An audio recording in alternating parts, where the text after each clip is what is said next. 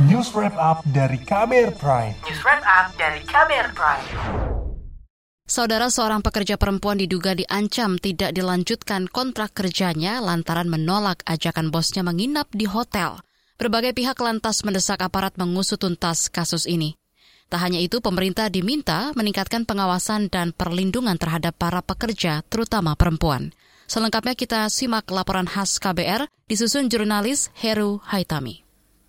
Lama-lama dia kayak kesel gitu. Ya udah kamu habis kontrak aja katanya gitu. Udah nggak usah diperpanjang soalnya janji kamu palsu katanya gitu.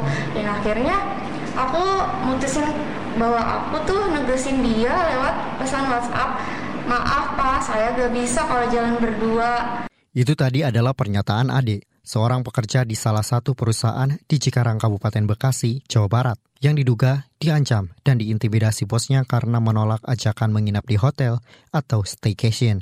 Ade merupakan karyawati, korban dugaan pelecehan seksual dari atasannya. Kontrak Ade terancam tak diperpanjang bila tak memenuhi permintaan terduga pelaku.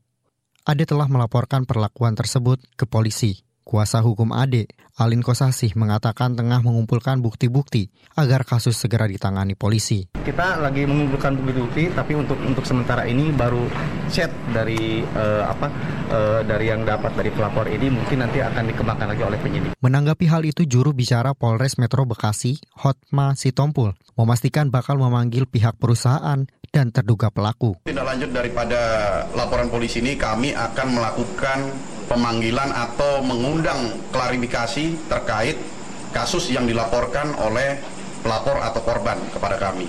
Pasti kami akan mengarah untuk mengundang terlapor guna diambil keterangannya terkait dengan laporan kasus yang dilaporkan oleh pelapor atau korban. Sebagian kalangan di parlemen ikut menyoroti dugaan kasus pelecehan seksual terhadap para pekerja perempuan di Cikarang, Jawa Barat harus diusut tuntas. Anggota Komisi Bidang Ketenagakerjaan DPR dari fraksi PKS Neti Prasetyani mendesak aparat mengusut tuntas perkara ini. Ia lalu juga mempertanyakan peran dan fungsi pengawasan Kementerian Ketenagakerjaan. Neti mendorong Kemenaker segera menerjunkan tim untuk menyelidiki dan memeriksa dugaan kasus tersebut. Hal serupa disampaikan anggota Komisi Bidang Ketenagakerjaan DPR dari fraksi PDIP, Rahmat Handoyo. Menurutnya, kasus tersebut bukanlah kali pertama.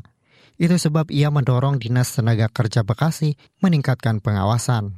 Dalam posisi yang tertekan, pekerja wanita kemudian diancam, ya, nah, sehingga posisinya lemah gitu ya, itu nggak boleh, itu nggak manusiawi saya kira. Sehingga lebih penting saatnya tidak hanya karena ini kasusnya tidak hanya sekarang isu ini ya, dugaan isu ini sudah tidak hanya sekarang saja tapi sudah sering. Sehingga itu harus fungsi pemerintah daerah terutama ya pemerintah daerah terutama dinas tenaga kerja untuk ikut fungsi kontrol fungsi pengawasan untuk memberikan edukasi. Berdasarkan penyelidikan Konfederasi Serikat Pekerja Indonesia KSPI, modus ajakan menginap terhadap pekerja tidak hanya terjadi di satu wilayah industri saja. Presiden KSPI Said Iqbal menyebut modus itu hampir terjadi di semua kota industri. Ancamannya sama, yakni kontrak kerjanya tidak dilanjutkan. Semua kota industri, ya, eh, ada Tangerang Raya, ada Serang, ada Bekasi, ada Kerawang, bahkan di Jakarta, di Cilincing sana, di Pulau Gadung, di Purwakarta, di Sidoarjo, di Mojokerto, di Surabaya, di Makassar, ya, di Banjarmasin, di Batam, FSPM itu anggotanya KSPI dan juga menjadi inisiator Partai Buruh. Saya menjumpai. Said Iqbal mengatakan kondisi buruh semakin mengkhawatirkan sejak adanya Omnibus Law Undang-Undang Cipta Kerja. Kata dia, sistem kerja kontrak menjadikan posisi kaum buruh berada di situasi yang merugikan. Kami minta DPR, pemerintah cabut klaster ketenaga kerjaan Omnibus Law. Kalau nggak akan terus anda pikir ini akan berhenti? Tidak. Karena ini tentang persoalan upah, outsourcing, dan karyawan kontrak. Persoalan ekonomi. Karena miskin. Udah berhentilah dalam kata-kata dan kecaman. Bertindaklah. Lindungi. Save woman workers. Save woman workers. Lindungi buruh perempuan. Caranya cabut itu Omnibus Law.